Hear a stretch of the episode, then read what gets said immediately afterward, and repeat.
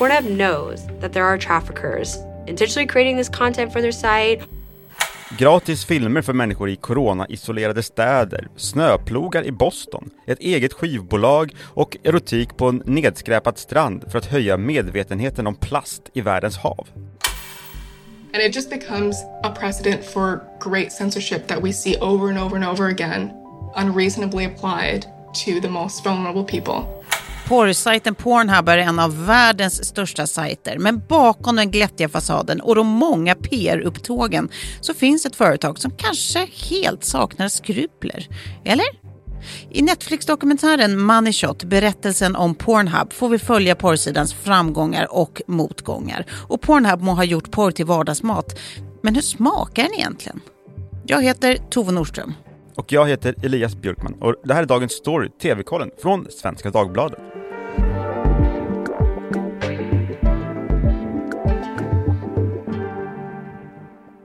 Du Elias, Mm. visste du att Sverige var det andra landet i världen som legaliserade pornografi? Det visste jag faktiskt inte. Nej, nu vet du det. 1971 hände det. Så det där ryktet om att svenskar är så himla sexuella och frigjorda, det är nog inte bara eh, fäbodjäntans förtjänst. Eh, som man lätt kan tro. Det finns ju en stark tradition här i Sverige av eh, sexuell tillvändhet. Kul! Mm.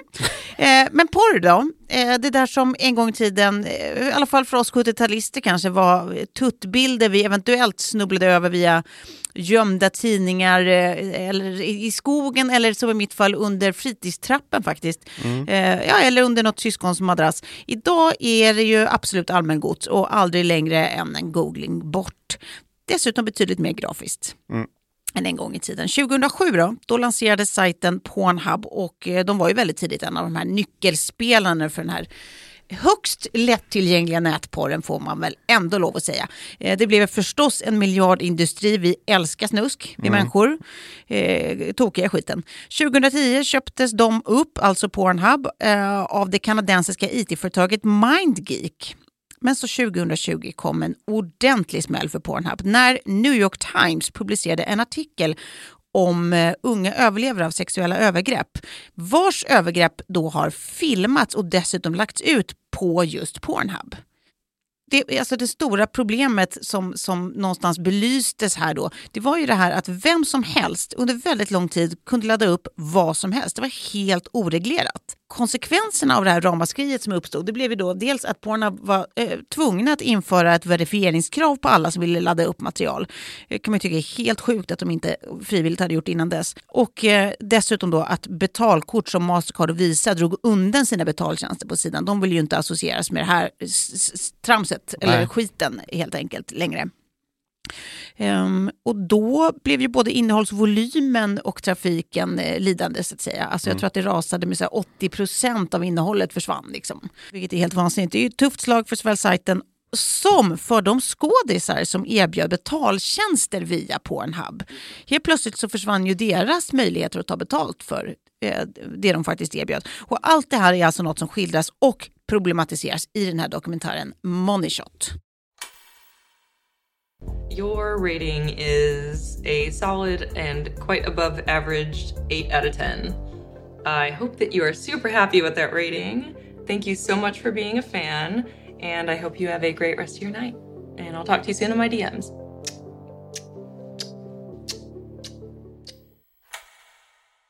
Den här dokumentären finns på Netflix. Den är gjord av en Emmy-vinnare faktiskt. Hon heter Susan Hillinger. Men eh, den, dokumentären är väl ganska så rakt berättad. Jag blev lite förvånad av anslaget. Det är, lite, det är ganska hurtigt som den här dokumentären börjar. Den är ganska liksom, skojig i början. Olika personer som är med berättar om sina första gånger de kom i kontakt med porr och det är lite så här glatt, Ja. glad porrstämning. Men det ändras ganska snabbt tycker jag. För att sen kommer man in på det här, de här lite svårare frågorna. Det är ett komplext och laddat ämne. Det är ganska svårt att få med alla sidors liksom ens bästa argument på Ja, en, gud, och- ja. en och en halv timme.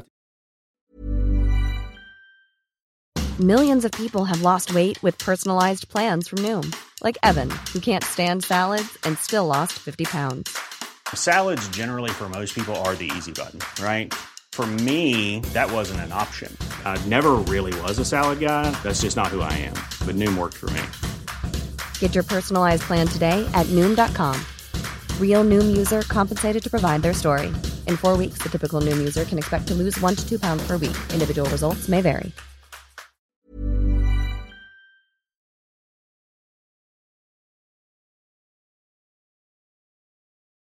Jag har läst lite reaktioner, typ New York Times tycker att det var en klarsynt dokumentär Mm. om liksom brott begångna av en pengahungrig industri. Det var väl kanske lite förväntat men man tappar inte fokus från arbetarna som liksom är det viktiga här. Precis. Vad säkerhet och framgång borde vara liksom största, största prioritet. The, The Guardian tyckte att den liksom klipper fram och tillbaka mellan de som kri- kritiserar Pornhub och de som försvarar utan att säga så mycket. Jag vet inte, det var lite surt av Guardian. Men tittarna gillar den.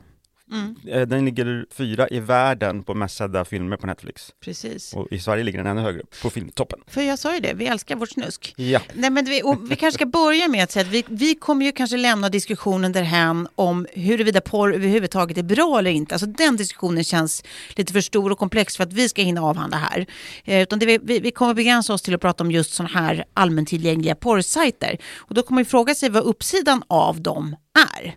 Eh, för om vi vet att det alltså så enkelt har kunnat missbrukas och omfattar massa material med folk som inte alls har medverkat frivilligt, då måste det ju finnas något annat positivt som gör att det ändå får fortsätta eh, pågå och vara lagligt, tänker man. Så vad är då det? Ja. Jo, men en sak man lyfter fram, det är ju en slags, hörde du att jag knappt väntade på ditt ja? Jag bara, jag skiter väl i vad du tycker, nu ska jag prata. Det är Jag en, ber om ursäkt. det är en enmansshow, kör. Men jag var liksom uppe och Jag rullade, du vet, jag hade lite, jag hade flåset uppe. Ja. Ja. Så här, en sak som man ofta lyfter fram, det är ju att det, det finns en slags demokratisering att prata om eh, när det gäller den här typen av porr. Att kvinnor i större utsträckning kan bestämma själva under säkrare former och med egen kontroll över det ekonomiska. Det vill säga, de behöver liksom inte ha några fysiska möten med människor de inte har någon kontroll över. Liksom.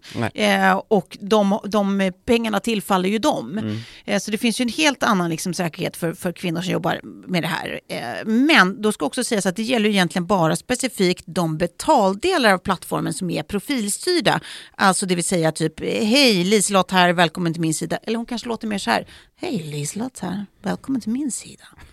Vill du se mig göra sig eh, betala så, till exempel. Har Och här- du, har du länk till det? Äh.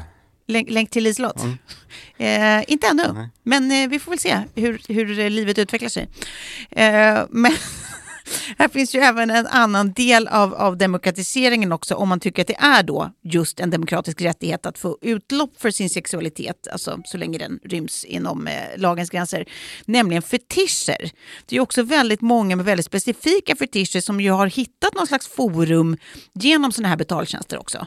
Alltså L- Liselott kan ju till exempel erbjuda small dick humiliation om, om det är det som efterfrågas. Eller, eller eh, extra hårighet, eh, intim hårighet, eh, om det är det som efterfrågas och så. Och det kan man ju förstås tänka att, eh, ja, varför inte? Det finns ju någonting, i alla fall i mig och jag, jag tror faktiskt nästan också i dig, som, som skaver med tanken på överförmynderiet i att någon annan ska bestämma vad varje kvinna får och inte får göra med sin tid och sitt liv och sin kropp. Alltså Liselott bestämmer ju över Liselott.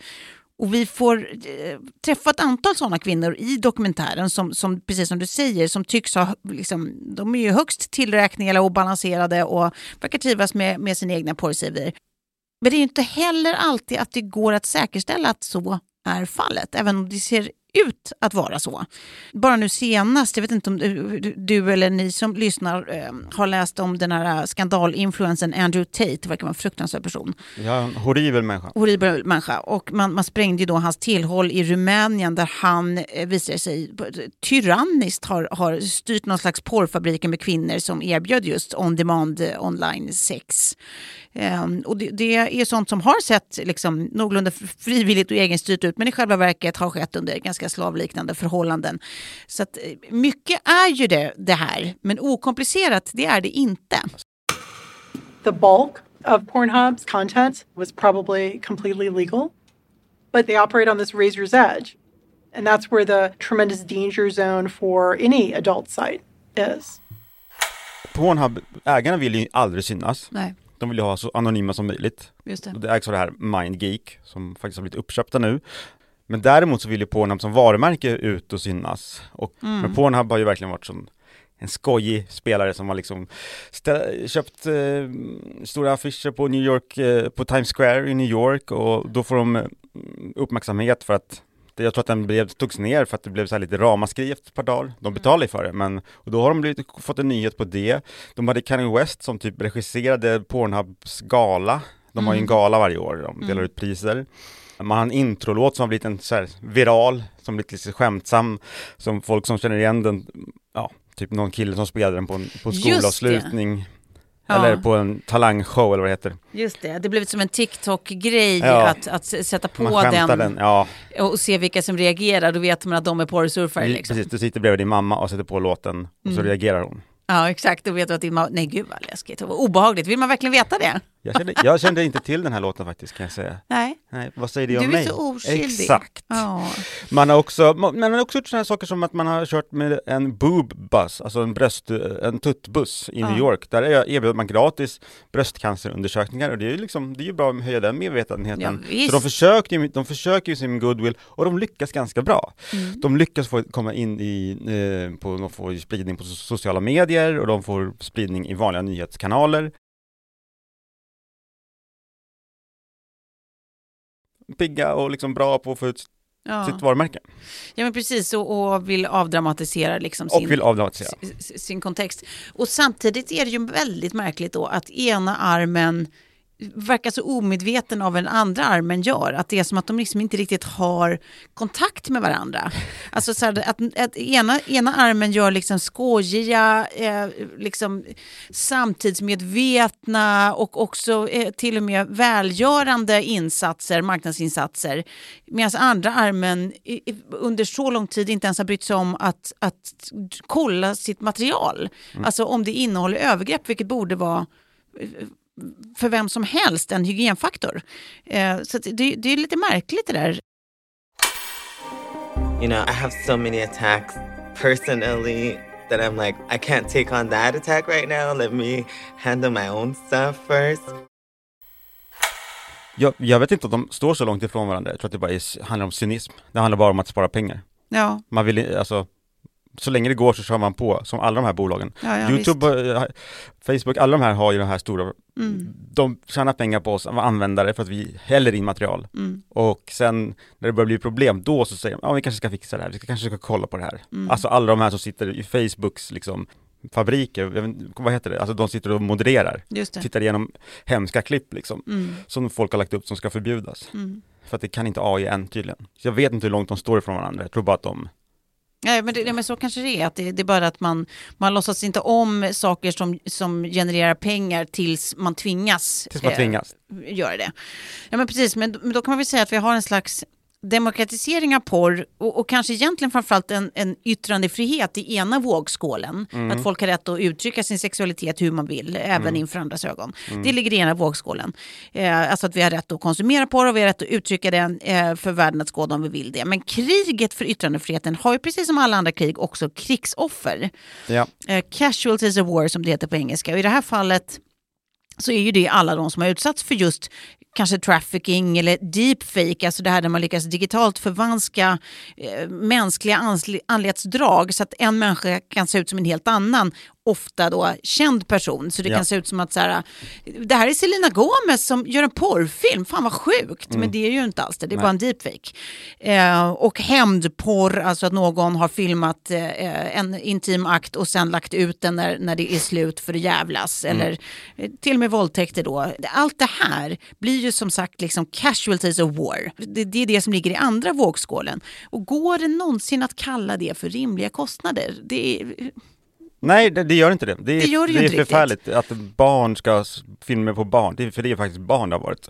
Vi är som 14-åringar. visst, ja, visst. som har legat ute och när man har anmält det så säger Pornhub ja men det vet vi inte och så, eller antingen svarar de inte eller om de svarar Ja. så säger de då måste du bevisa och det är ju här det hela det cyni- cyniska liksom kommer in man vill ha så Exakt. många filmer som möjligt för att man får det man tjänar på det är sökordsoptimering och ju fler filmer man har desto fler, högre upp kommer man i sökordsoptimeringen oftast Exakt. och liksom att då inte ha som standard att vi tar bort det här tills vi vet Exakt, Det är helt utan det är fruktansvärt. tvärtom. Det får ligga det får tills ligga du har tills bevisat. att du på något sätt bevisat. Så var det i alla fall förut. Nu säger Ja. man att man har, man, man har skärpt sig. Mm. Man blir utfrågade i Kanadas eh, motsvarighet till, ja vad det nu Till heter. senaten, eller Senaten. det- ja, något liknande. Ja, men precis. Men det, alltså, i min värld tycker jag också det måste nämnas, det är ju en rätt läskig signal att sekunden som man inför legitimi, alltså legitimeringskrav då på Pornhub och krav på spårbarhet på den som vill ladda upp pornografiskt innehåll, så försvinner då de här enorma mängderna, vi pratade om ungefär 80% av innehållet. Alltså, är det verkligen så läskigt att stå för att man jobbar i kåtmanstjänst verkligen? Eller säger det någonting om hur lite innehåll på den här plattformen som verkligen är fullständigt legitimt Ja, ja, ja. och skapat i samförstånd? Men verkligen, det där är ju jätteintressant och det de, det, att de införde det, det var ju påtryckningar från Visa och Mastercard. Ja, visst. Efter den här New York Times-artikeln som du har nämnt. Eh, och då faktiskt så tog Pornhub bort 80% av innehållet. Och, och, men som du säger, det visar då bara att folk har laddat upp grejer ut som de inte har ägt såklart. Och så är det ju med de flesta av de här sociala medieplattformarna. Sett till vilka liksom från insidan som förordar porren och streamingsajter som Pornhub så är det ju i regel bara de som fortfarande är aktiva skådisar. Bland de som har lämnat den världen däremot hittar man ju massor av starkt kritiska röster. Ehm, Även från de tidigare kanske största stjärnorna. Det finns en som till exempel då som heter Mia Khalifa som har stålat om nu och är någon slags, eh, hon, jag tror hon gör musikkarriär och allt möjligt. Eh, Men som var en av de absoluta största eh, porrstjärnorna. Hon är ju Eh, öppet superkritisk mot sin gamla bransch. Mm. Det finns för övrigt, det kan vara ett litet PS, en, en jätteintressant P3 ID-dokumentär man kan lyssna på eh, om just henne, Mia Khalifa, den ångerfulla porrstjärnan.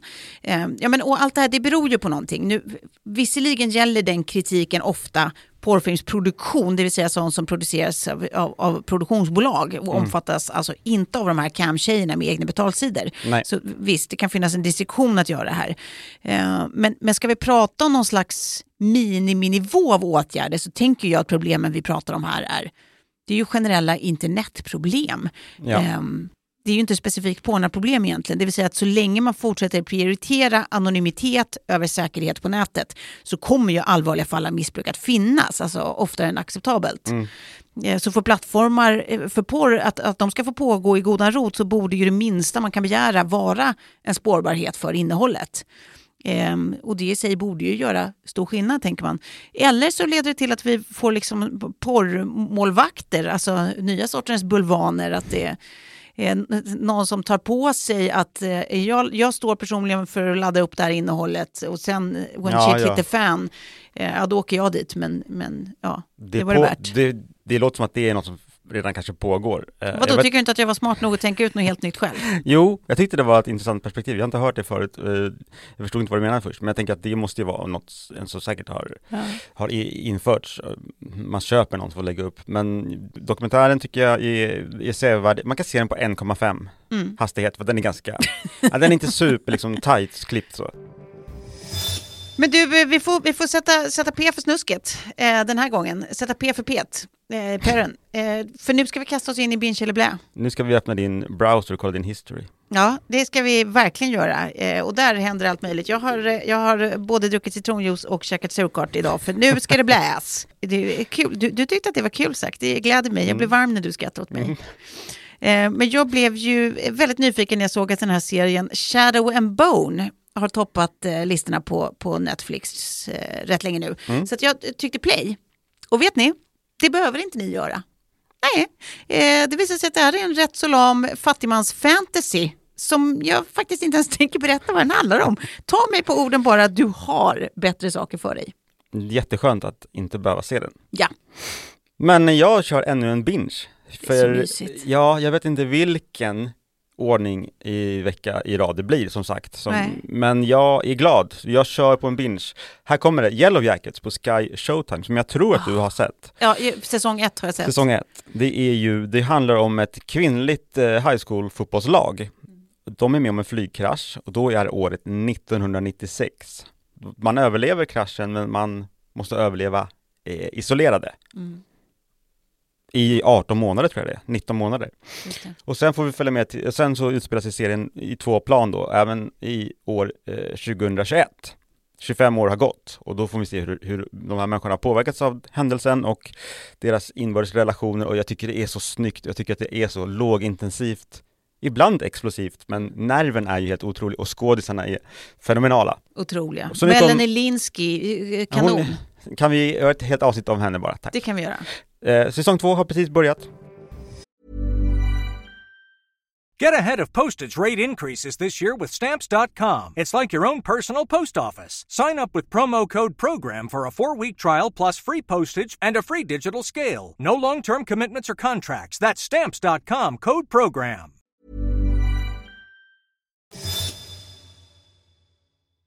Ja, med det då Elias, då viker vi in hovarna för idag va? Ja, och jag vill påminna om vårt nyhetsbrev. Mm. Det kommer varje vecka, det heter Bäst på TV. Om man inte redan gjort det så skriv upp er. Och jag vill också flagga för den här eh, sajten svd.se Elias och Tove. Just det. Där kan man gå in och prova SvD en månad gratis. Och för brevet får man då, och man får ju allt annat som SvD gör. Ja. Så det är, gör det.